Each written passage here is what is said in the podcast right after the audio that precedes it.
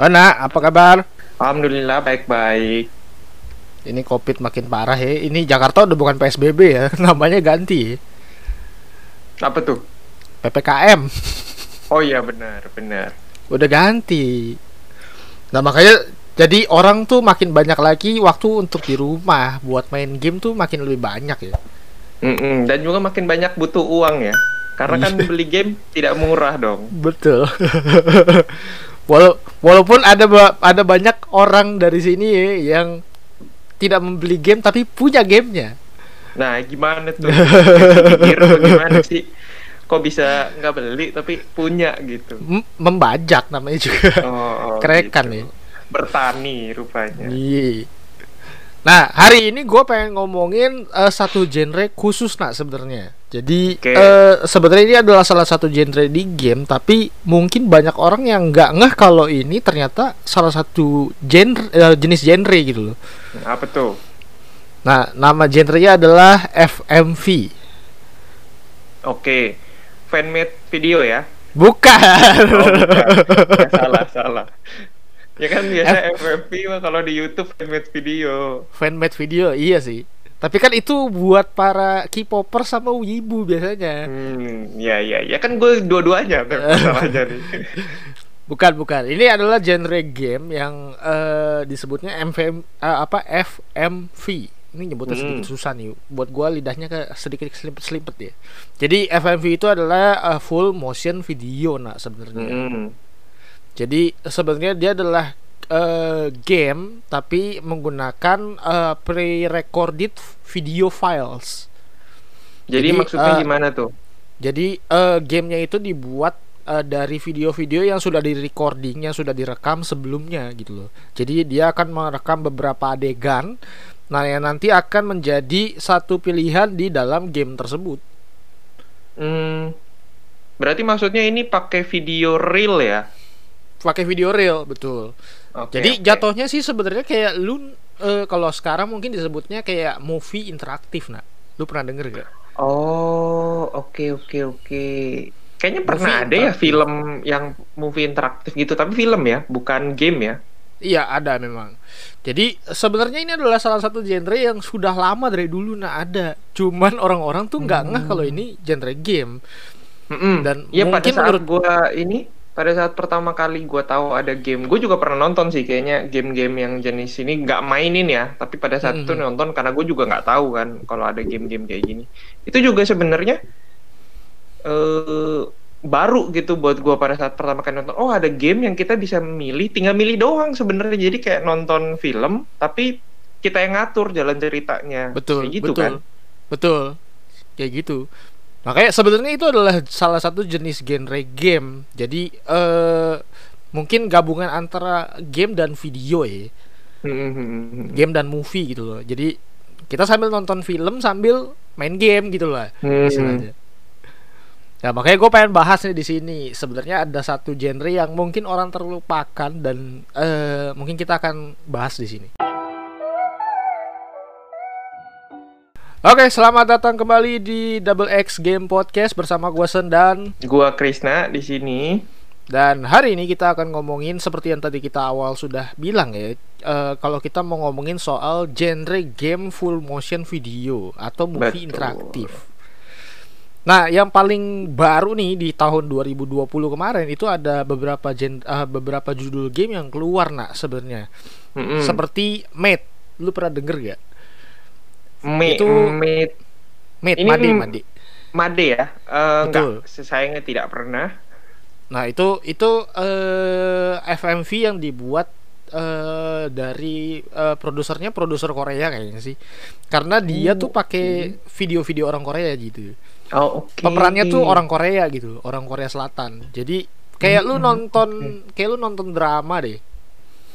Jatuhnya. Oke, oke, Nah, tapi oke. Tapi kita dibikin- diberikan pilihan-pilihan untuk menentukan jalan cerita gitu lah ya. Betul, betul. Terus ada lagi The Complex. Oke. Itu The Complex kayaknya juga. gue pernah denger nih. Tapi ini juga game baru kan ya? Game baru Eh, betul.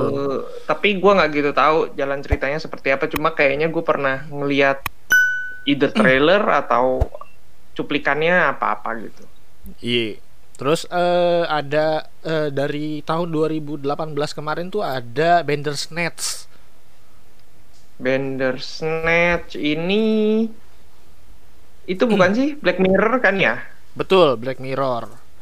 Oke. Sebenarnya itu adalah salah satu FMV. Cuman kalau eh, kayak Mate itu kan Hmm. memang dibuat jadi game gitu ya Nay. Terus kayak eh, apa? The Complex itu benar-benar dibuat jadi game.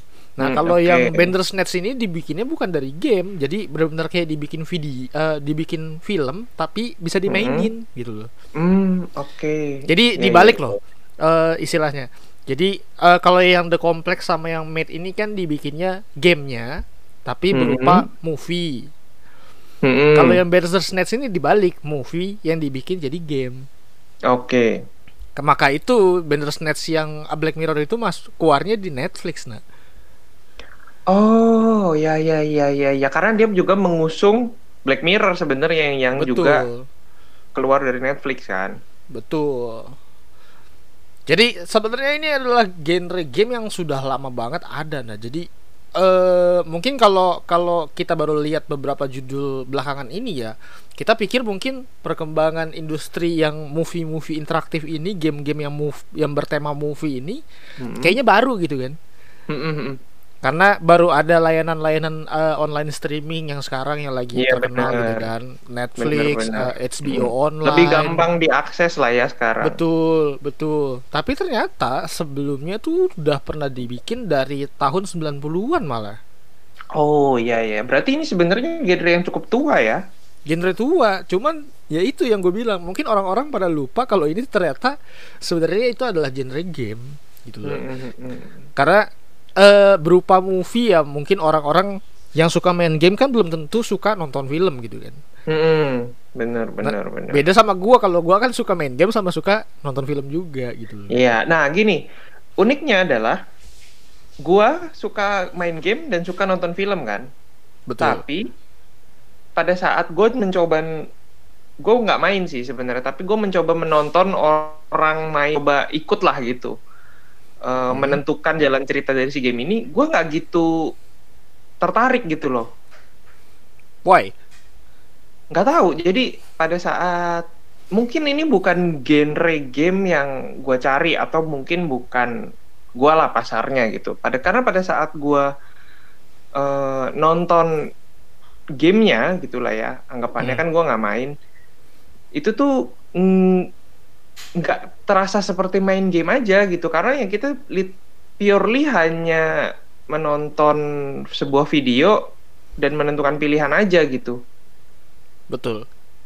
dan itu nggak nggak terasa seperti main game sih buat gua karena bener-bener tidak ada yang kita perbuat sih Kontrol. selain selain memilih pilihan ganda itu kan Betul. kalau kalau model seperti Detroit Become Human ataupun Love eh, Life is Strange gitu kan kita meskipun kurang lebih mirip ya ininya eh, pendekatannya tapi kan kita masih gerakin ya orang itu akan berjalan Betul, ke arah betul, mana Betul. terus orang itu akan ngobrol sama siapa gitu. Nah, cuma kan kalau di FMV ini sendiri kita bener-bener cuma milih doang. Jadi pada saat mereka bergerak, mereka naik mobil, mereka ngobrol sama orang lain, mereka menjalani hidup tuh kita nggak ngapa-ngapain, cuma nonton aja itu sih yang Betul, mungkin betul. membuat gue jadi kurang Sedikit asik boring lah ya, gitu, lo? Mm-mm, kurang asik gitu pada saat pengalaman melihatnya gitu. Oke, sebenarnya sebenarnya ya mungkin menurut gua sih ya banyak orang-orang yang merasa seperti itu karena eh yang namanya game itu kan pasti interaktif banget gitu kan. Mm-mm. Identik gitu kan. Kita bisa gerakin karakternya, terus karakternya mau mau ngapain kita bisa gerakin gitu kan.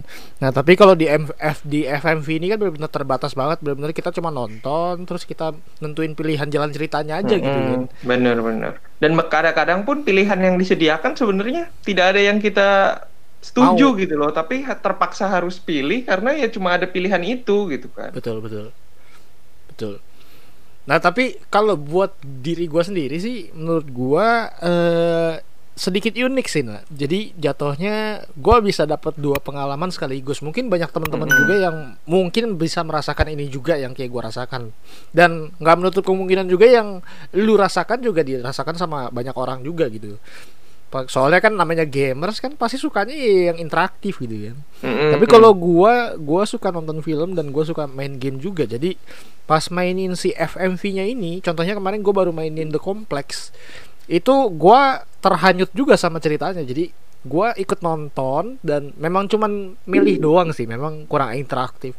Tapi itu yang gua rasakan, oh gua bisa merajut ceritanya seperti ini Mhm. Dan gue bisa mendapatkan ending yang gue inginkan karena mungkin beberapa orang yang suka nonton film kan dia nggak suka tuh sama ending ceritanya atau jalan ceritanya kayak kok kayak Ya, banget sih gitu kan Mhm.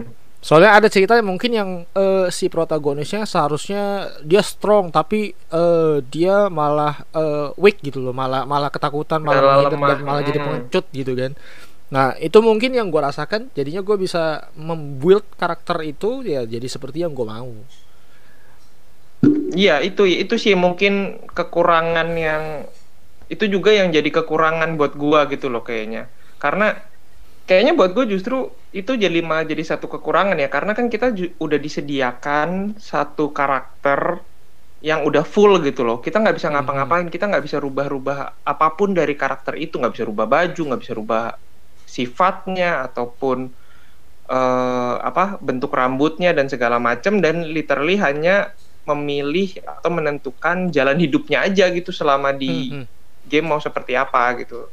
Nah tapi selain itu ya kita nggak bisa terlibat ke dalam kehidupan si karakter. Sementara kan kita main game, terutama at least buat gua gitu kan memilih untuk memainkan suatu game itu ya karena gue mau menentukan gitu loh dan gue juga mau ikut andil dalam kehidupan si karakter semuanya gitu. Jadi nggak cuma nasibnya doang, tapi segala apa yang terjadi di dalam hidupnya yaitu uh, baju yang dia pilih, kehidupan yang dia ambil, kendaraan yang dia pakai segala macamnya gitu ya. Pretelan-pretelan kecil itu juga gue tuh mau ngurusin gitu. Cuma kan kalau di FMV sini nggak dapet sama sekali kan.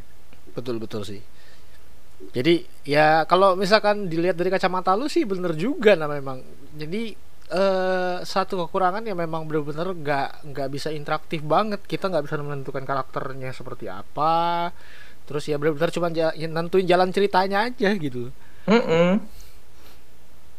memang kekurangan. Jadi ya menurut gue sih ini ada satu kekurangan ada satu kelebihannya juga lah. Soalnya kan yang namanya yang namanya interaktif movie ya kalau misalkan kita bisa gerakin karakternya mereka syutingnya gimana Iya bener. I- itu kan itu memang eh, ininya mungkin limitasinya ya. Tapi ya limitasi betul mungkin ini kekurangan pun ya cuma buat gua aja gitu karena ya terbukti game ini masih laris dan maksudnya masih dirilis dan juga masih ada terus sampai sekarang dari tahun tahun berapa tadi lu sebut kan udah 90-an. lama gitu ge- genre ini kan Mm-mm. tapi masih hidup dan masih ada sampai sekarang orang yang bikin itu terbukti kalau game ini ya sebenarnya laku-laku aja gitu dan Betul, ada fanbase-nya sih. Itu sih. Dan kayaknya ya selera aja sih jatuhnya ya. Ujung-ujungnya sama kayak game-game lainnya gitu. Ada orang yang nggak suka game open world ada yang nggak suka RPG ada yang nggak suka strategi game gitu kan. Jadi ya memang lebih kepada selera aja sih ini Oke, betul betul betul. Nah, makanya gue mau balik sedikit ke masa lalu, jadi supaya kita bisa relate juga. Jadi eh, kenapa sih eh, si full motion video ini bisa jadi salah satu genre di eh, dunia pergamingan gitu loh kan? Karena sebenarnya ini udah dibangun dari ini gue baca dari Wikipedia ya, nah ya. karena banyak info Hmm. yang didapat dari sana. Jadi sebenarnya ini udah dibangun dari eh, awal-awal 1980-an. Oke Soalnya dari tahun 1980-an itu kan sudah mulai dikembangkannya Laserdisc oleh Sony waktu itu kan. oke laser disc ya oke Masih Laserdisc dulu kan. Iya. laser Nah. disc banget nih mungkin anak-anak zaman sekarang nggak tahu ya apa itu laser Gak tahu. Boro boro boro Laserdisc DVD aja mungkin nggak tahu mereka. Oh tahu lah, CD lah mungkin ini yang nggak tahu, yang apa, eh, yang masih CD banget lah, VCD, VCD mungkin mereka nggak tahu. Kalau DVD masih tahu lah, masa nggak set- nggak Belum tentu itu. loh. Sekarang sekarang di rumah-rumah udah orang orang-orang udah pada nggak punya uh, konsol iya DVD sih. lagi sih. Udah nggak punya ininya ya. Semua alatnya, TV dan Android streaming pakai cloud iya. kan sekarang. Iya.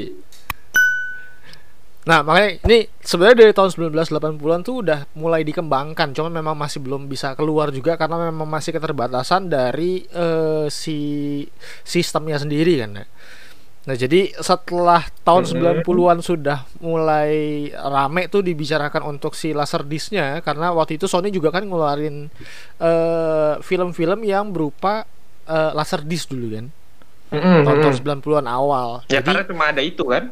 Betul, karena uh, optical disc kan waktu itu memang ya kayak dulu kita pernah bicarain aja Sega, Nintendo itu kan nggak percaya kalau misalkan nanti uh, dunia yang menggunakan uh, game yang menggunakan uh, basis drive uh, CD itu bakal dipakai gitu kan. Mereka hmm. masih lebih percaya dengan cartridge gitu kan. Iya iya iya. Nah tapi ternyata uh, setelah dibuat secara optical disc gitu ya, jadi bentuk laser disc CD gitu Nah ternyata di tahun 92 tuh keluar game pertamanya nih. Untuk Nintendo. eh untuk Sega, sorry. Sega berarti genre game ini tuh sebenarnya dipelopori oleh Sega ya. Betul. Jadi waktu pertama kali itu si Sega ya yang keluarin ya dengan dengan okay. game namanya Night Trap. Lo kalau misalkan buka Steam sekarang, lu cari mm -hmm. Night Trap itu masih ada loh remasternya. Uh Oke. Oh remaster, bahkan sudah di remaster. Bahkan sudah di remaster. Berarti kan memang ini game game yang sudah yeah, lama yeah, banget yeah, dan yeah, orang yeah. sebenarnya tahu gitu loh. Kalau ini game ada. Mm, mm, mm, mm. Tapi Night Trap itu yang remaster masih di bawah nama Sega atau udah diakuisisi oleh perusahaan lain? Wah, itu gue lupa deh. Bentar, gue coba cari tak, gue cari ya. Naik. Oke. Okay. Trap Tuh, 25 tahun anniversary edition loh. Masih ada, Nak. Ini yang buat sekarang udah bukan, developer sama publishernya bukan beda. Oh, Tapi gamenya masih berarti, game lama banget. Jadi mm, di remaster dengan oleh perusahaan lain lah ya anggapannya gitu ya, oleh developer lain lah ya. Antara developer lain atau mungkin dia mm -hmm. anak perusahaannya juga, Nak. Kan oh, sering banget kan juga kayak gitu, gitu kan. Nih kayak gini nih. Lu lihat gamenya masih jadul banget loh. Ah, oke. Okay. Iya, iya sih ini bener-bener kayak nonton film tahun 80-an ya. tahun 80-an betul. Dan kalau yang sekarang kan masih lebih bagus gitu ya untuk uh, pilihan-pilihan interaktifnya kan sudah ada di tengah layarnya gitu kan. Mm -hmm. Nah, kalau dulu ini yang si Night Trap ini seakan-akan kita lagi nonton TV. Iya. Terus pilihannya bener, ada di bawah nih. Bener bener bener. Makanya sedikit kocak sih yang yang Night Trap ini ya. Tapi ini adalah pelopor loh Iya, dan sebenarnya kalau ngomongin uh, beda ya pendekatannya sebenarnya mirip-mirip aja gitu. Cuma mungkin pada zaman itu itu yang paling masuk akal lah untuk dibikin gitu kan. Betul. Ben, ininya uh, apa sistemnya seperti itu dan sini kan udah orang makin terbiasa dengan opsi-opsi yang bentuknya mungkin lebih modern gitu. Jadi mulai ada perubahan-perubahan. Betul. Dan sistem editing pun juga kan pasti uh, mengalami evolusi juga nah jadinya editing sekarang sama zaman dulu kan lu bisa bayangin tahun 90-an hmm, lu nonton film aja kan green screen-nya aja masih jelek gitu, CGI-nya aja masih jelek. Gitu. Kalau sekarang lu lihat CGI CGI film aja kan gila-gila banget. Udah kayak nonton grafik game kan. Iya, ya kan sekarang kan zaman sekarang teknologi udah semakin canggih ya dan CGI pun bener-bener sebenarnya menggunakan pakai orang asli gitu tapi dengan alat gitu kan dipasangin hmm. alat aja. Hmm. Nah iya makanya berarti ini kan udah jadul banget gitu loh. Nah bahkan sebenarnya sebelum dikeluarkan secara komersial untuk ke uh, apa konsol home ya karena kan Sega Nintendo itu kan disebutnya home console kan konsol-konsol hmm. yang dijual untuk dipakai di rumah gitu loh. Sedangkan kalau kita tarik undur lagi ke tahun 1980-an itu kan memang lagi ramenya game-game arcade nah. Oke. Okay. game ya orang-orang yang main ke time zone gitu ya kan zaman dulu. Iya iya iya. Dan itu kan game-game arcade sampai tahun 90-an kan masih laris manis kan. Sebelum mm -hmm. munculnya PC dan konsol-konsol modern di tahun 2000-an yang menghancurkan pasar uh, si arcade games tersebut. Mm -hmm. Nah, makanya sebenarnya dari dari zaman-zaman arcade itu itu sudah pernah dibikin game juga yang modelnya FMV gini itu juga Oh. dibikinnya sama Sega nak nah nama gamenya adalah oke. Astron Belt sama Dragon Lair Oh, dan itu ada di ini kayak time zone gitu. iya. Kok gua nggak pernah tahu ya? Ada Nah, game kayak gitu. mungkin mungkin mungkin karena di Indonesia nggak masuk kali. Karena kan genre gamenya ya kan nggak terlalu eh, nggak terlalu universal sih menurut gua. Dan nggak terlalu booming banget kan. Mm-mm. nah ini kayak gini nih. Tahun 1983 nak. Udah dirilis Astron Belt dari Sega Luar biasa berarti. Berarti Sega bahkan udah udah tahu ya kalau genre game ini tuh bisa hidup sebenarnya. Nih, masih ada gitu ada potensi gitu ya. Kenapa dia mereka bisa kepikiran gitu ya? Yuk kita pakai video asli manusia, tapi kita kasih opsi aja gitu. Nah, Karena itu, itu. manusia mungkin karena tendensi manusia tuh suka ngurusin kehidupan orang kali. Eh, suka kepo. Makanya itu- aja. itu itu yang gua yang gue pikirkan. Eh, gimana ceritanya si eh, pencetus-pencetus si FMV ini atau movie-movie interaktif ini bikin movie yang interaktif gitu loh. Yang bisa dipilih jalan ceritanya gitu. Kalau game sendiri yang kayak Detroit Become Human kan benar-benar game kan? Purely game gitu loh. Beda sama yang modelnya kan kayak FMV gini dia syutingin orangnya dulu terus lu bayangin kalau misalkan pilihannya ada empat dia syuting empat kali pak Iya benar. Empat empat ini ya, empat jalan cerita berbeda berarti kan. Iya, dan itu baru pilihannya, belum nanti ke menjurus ke endingnya. Karena kayak gua Mm-mm. main The Complex itu ternyata ada gua nemuin sekitar 7 ending, nak. Uh, oke. Ya sesuai namanya ya, The Complex ya. Memang sangat rumit Iya. gitu kayaknya. Enggak sih, cer- cerita The Complex itu bukan ceritain karena cerita filmnya rumit, bukan. oh bukan, bukan. Gue pikir memang ngomong, oh kita endingnya banyak nih. Kasih judulnya apa ya? Udah The Complex aja, karena kan repot ngurusin ini gamenya. Gitu. Gue pikir Iya. gitu. Nah, cuman eh apa? Perkembangan FMV sendiri juga waktu itu juga nggak semulus yang dicita-citakan sama si Segan lah. Karena eh, beralih ke tahun eh, akhir-akhir 80-an itu eh, game-game FMV itu memang nggak terlalu laku. Karena kualitas film juga kan zaman dulu kan masih belum bagus ya kan? Dan ide film juga nggak sebanyak sekarang kan di zaman modern. Iya. Ya kan sekarang kan semakin orang semakin liar ya mungkin dan juga mungkin teknologinya sudah bisa makin mendukung. eh ah, udah sudah bisa mendukung ide-ide liar dari para developer kan mau ke arah mana. Karena kan zaman dulu mau bikin game seperti Cyberpunk seperti Red Dead Redemption The Last of Us ya agak susah gitu sebenarnya. Betul betul. Nggak bisa direalisasikan gitu.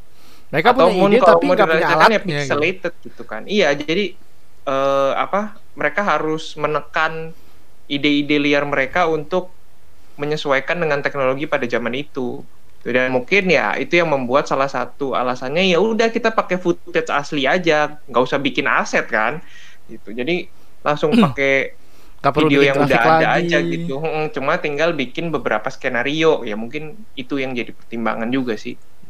Ya mungkin budgetnya lebih kecil ya bisa Mm-mm. dibilang.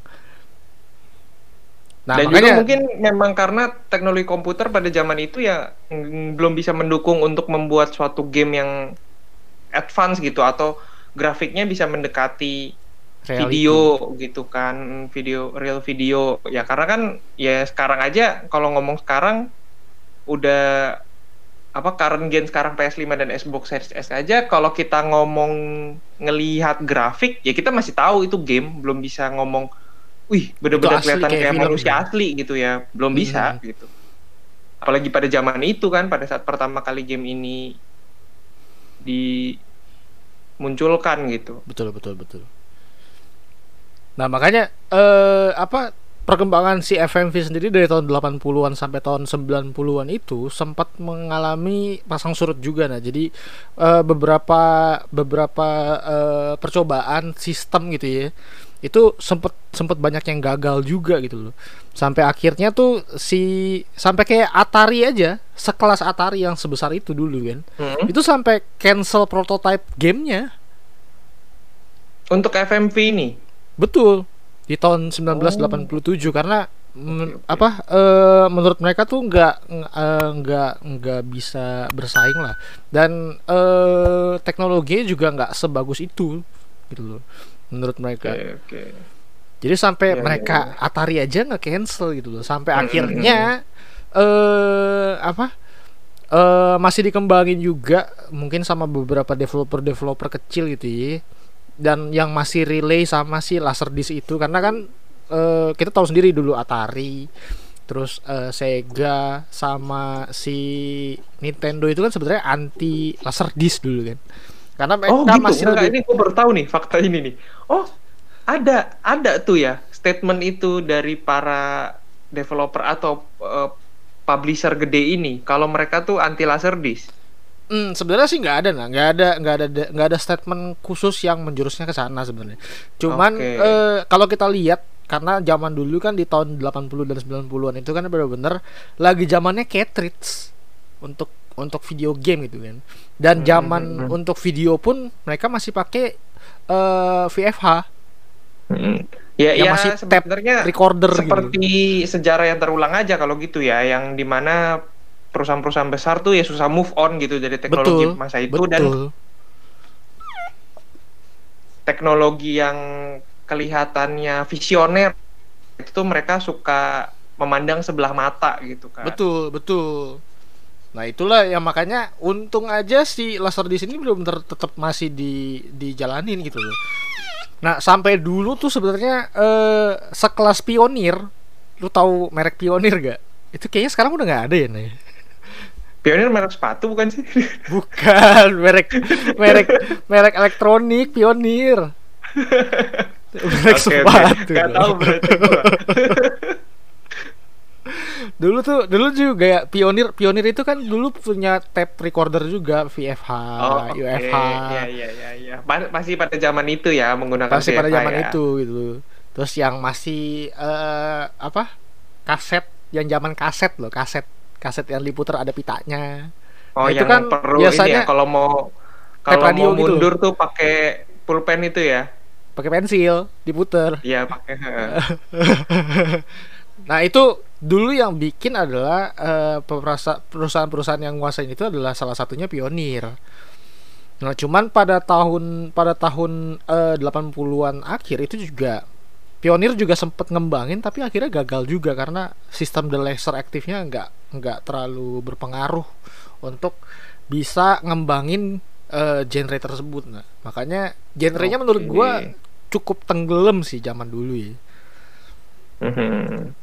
Dan sampai akhirnya di tahun 90-an ketika eh, Apple dan Apple dan Microsoft membuat PC untuk rumahan tuh zaman dulu kan.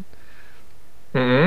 Nah, akhirnya konsol-konsol yang mulai dibikin kan dibikinnya untuk eh, home console, home system. Ah, mulai berubah lah ya mulai budayanya. berubah, betul. Dan akhirnya di tahun 92 itu terciptalah game pertamanya, Night Trap, yang khusus oke. untuk diluncurkan di konsol game. Dan itu Oke, jadi salah satu genre gitu loh. Mhm. Ah, jadinya muncul sebuah game baru yang namanya FMV ini kan, FMV, video betul. apa video eh full motion video. full motion video. Nah, makanya Ternyata dari tahun sana. 92 dan eh, sampai tahun-tahun berikutnya tuh masih berlanjut tuh ada game-game berikutnya ada Seven Quest, Fuyor, Phantasmagoria, Police Quest, SWAT itu juga ada. Kayak gitu dan sampai sekarang itu kalau misalkan lu cek di eh, apa di Steam lagi nih ya, gue balik lagi ke Steam ya. Di Steam itu kalau lu lihat dari eh genrenya itu ada juga lu kalau misalkan ketik movie interaktif itu keluar semua nak. Oke. Jadi sebenarnya genrenya genre aslinya itu namanya movie interaktif atau full motion video. Eh de- sebenarnya nama sistemnya sih nak, full motion video. Oh, nama sistemnya. Nama sistemnya. Jadi kalau dibilang dibilang genrenya FMV ya sebenarnya nggak tepat juga sih. Oke. Karena dia sebenarnya kan memang lebih ke movie interaktif kan. Berarti mungkin full motion video itu lebih ke cara pembuatannya ya. Betul. Sementara apa tadi eh, movie interaktif itu lebih ke ya gameplaynya lah tipe gameplaynya seperti apa Hmm, hmm, hmm.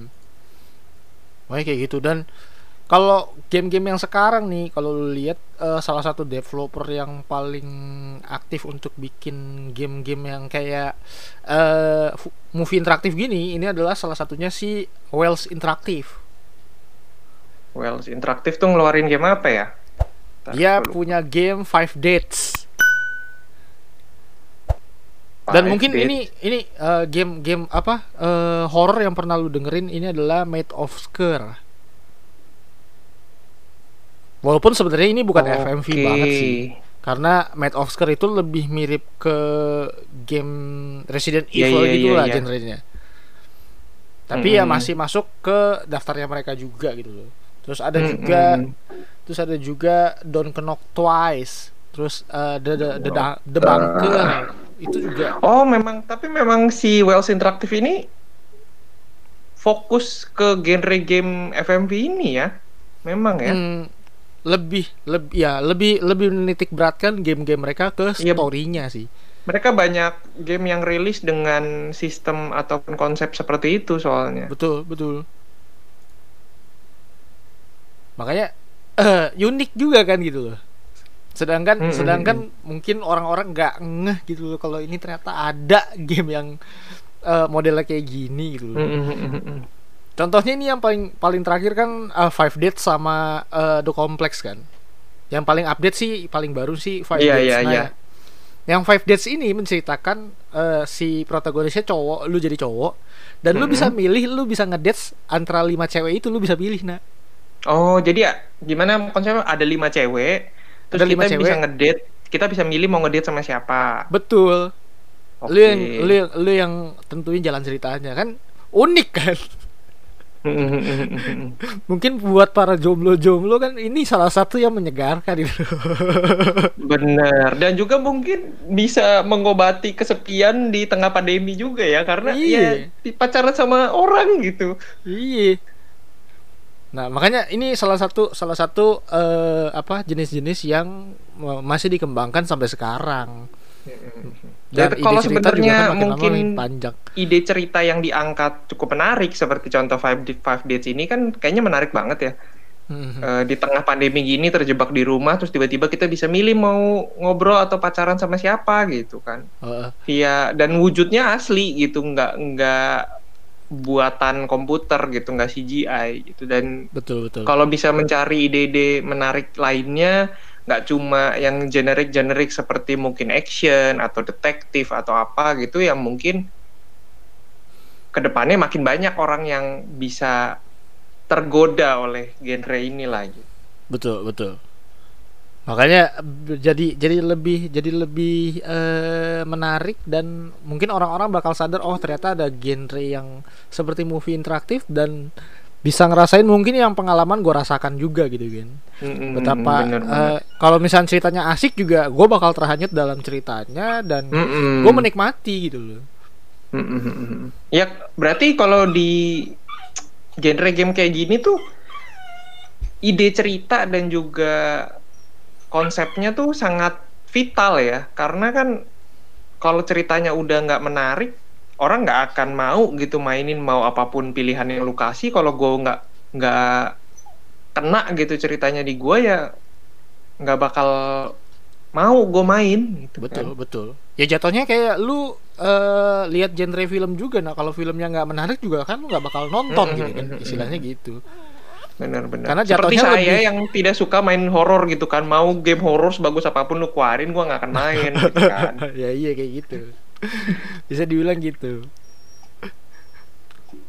Oke, dan kalau misalnya kita telusuri lagi berapa banyak game-game yang bertipe FMV seperti ini itu banyak banget dan FMV sendiri juga eh, bisa dibilang karena itu kan sistem ya sebenarnya nak. Mm-mm. Jadi eh terkadang juga ada beberapa game yang sebenarnya eh gamenya digabung sama FMV juga. Jadi untuk cutscene-nya itu benar-benar pakai FMV full motion video. Jadi benar-benar pakai eh, aktor asli gitu loh. ya memang eh, ya semakin ke sini orang juga makin pintar-pintar lah nyari perpaduan gitu antara teknologi game yang satu dengan yang lain kan untuk membuat ya karena kayaknya beberapa teknologi kan udah mulai overuse ya zaman sekarang. Betul. Orang juga mulai mungkin mulai enek yang dengan genre yang gitu-gitu aja gitu. Jadi inovasi-inovasi harus terus dihadirkan untuk menarik perhatian para gamer terutama dengan kondisi orang makin banyak di rumah sekarang ya udah Betul, makin banyak betul. online, makin banyak tahu kalau eh, ngelakuin segala sesuatu nggak harus sering-sering keluar gitu dan itu jadinya membuat industri game ya jadi makin potensial sih menurut gua. Tuh. Ya kita balik ke zaman 2 3 tahun yang lalu saat genre Battle Royale akhirnya booming gitu kan. Hmm, hmm, hmm, hmm. Karena dulu kan belum ada gitu loh. Nah, kita menunggu lagi nih kalau ada genre-genre baru lagi yang mungkin nanti Mm-mm. gabungan-gabungan atau ekspresi-ekspresi baru dari para dev- developernya ya. Kita sebagai Iya, gamer iya, pasti iya. menikmati banget ya. Mm-mm. Meskipun ya mungkin kalau ngomongin publisher besar, developer besar itu ya mereka kayaknya udah settle gitu loh dengan eh, salah satu beberapa teknologi game gitu kan dan mereka ya tinggal nge-reuse aja gitu aset-aset yang udah ada dan mengganti storyline gitu kan. Kalau mau ngelihat beberapa inovasi yang lebih visioner mungkin banyak-banyakin main game indie ya sebenarnya ya karena kan mereka lebih liar ya Betul, eh, betul. ininya eh, idenya dan juga aplikasinya tuh biasanya game indie lebih liar dan juga Lebih liar dan lebih unik dari segi Mm-mm. gameplay, story. meskipun mungkin terlihat agak susah diterima oleh banyak orang ya tapi bisa jadi 10 tahun ke depan justru konsep itu yang bakal dipakai oleh banyak developer gitu. betul, betul. Saat ini ya mungkin kayak zaman dulu, masih di comfort zone-nya mereka aja, nak. Mm-mm.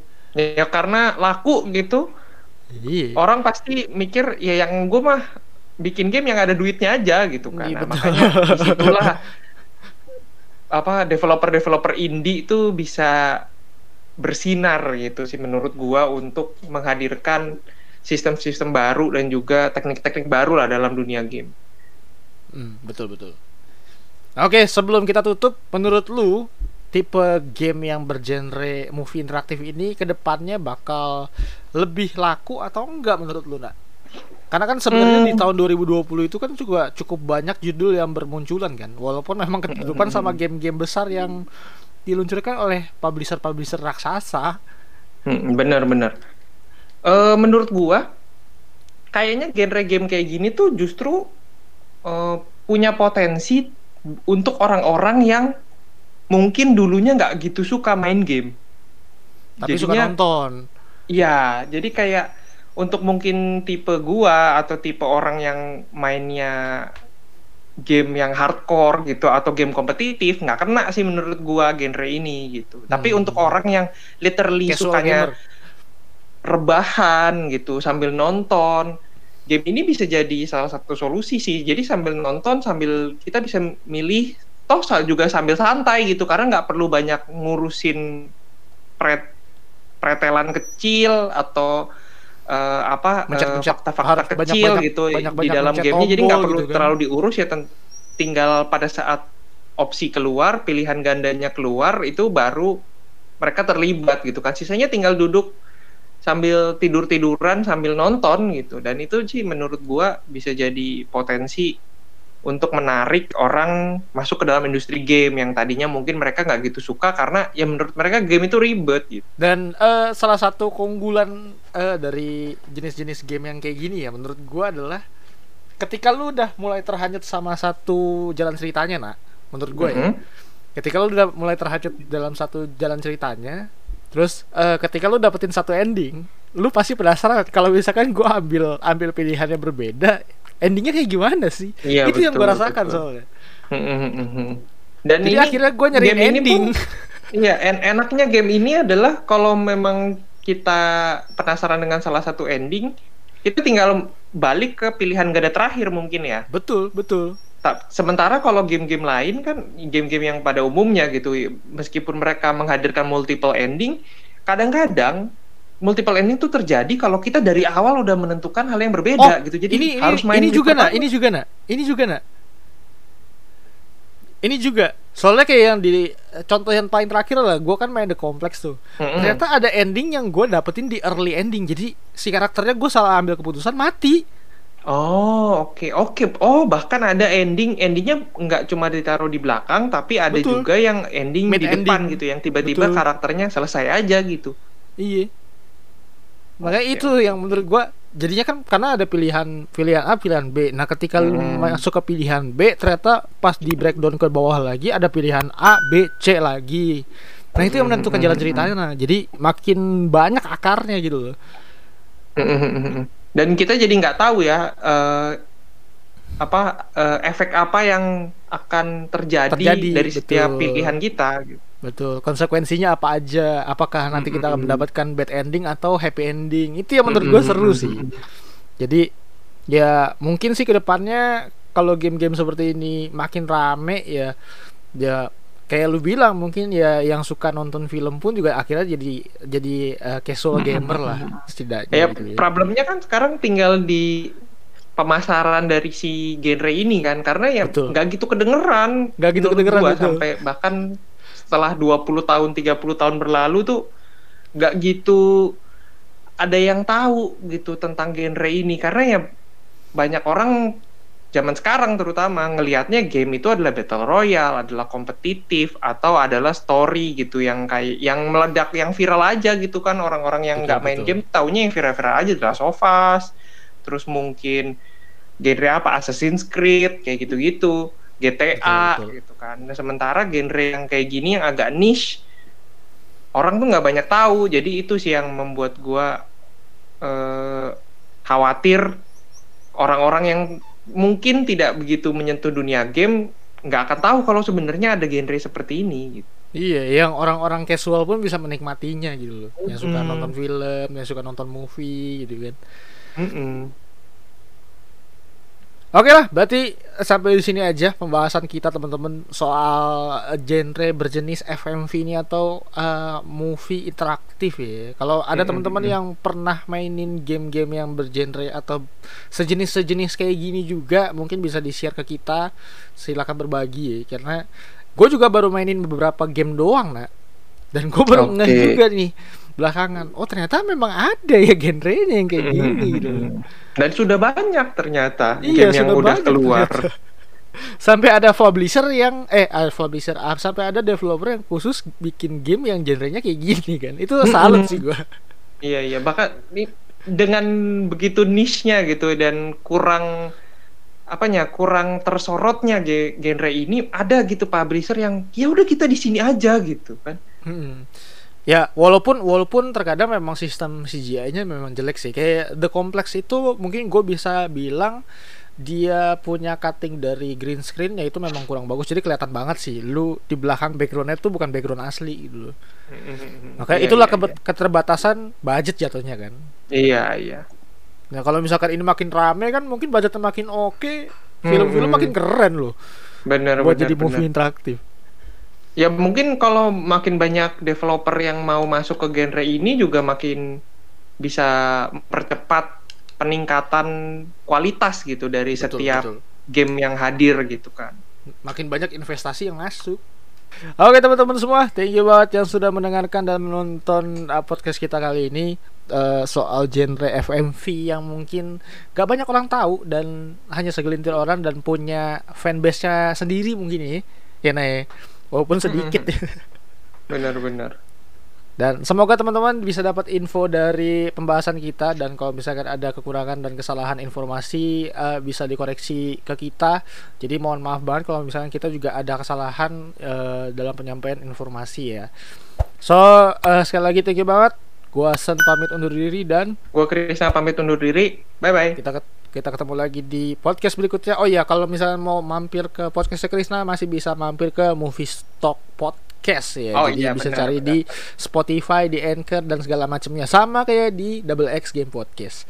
Oke, see you guys and bye bye. Bye.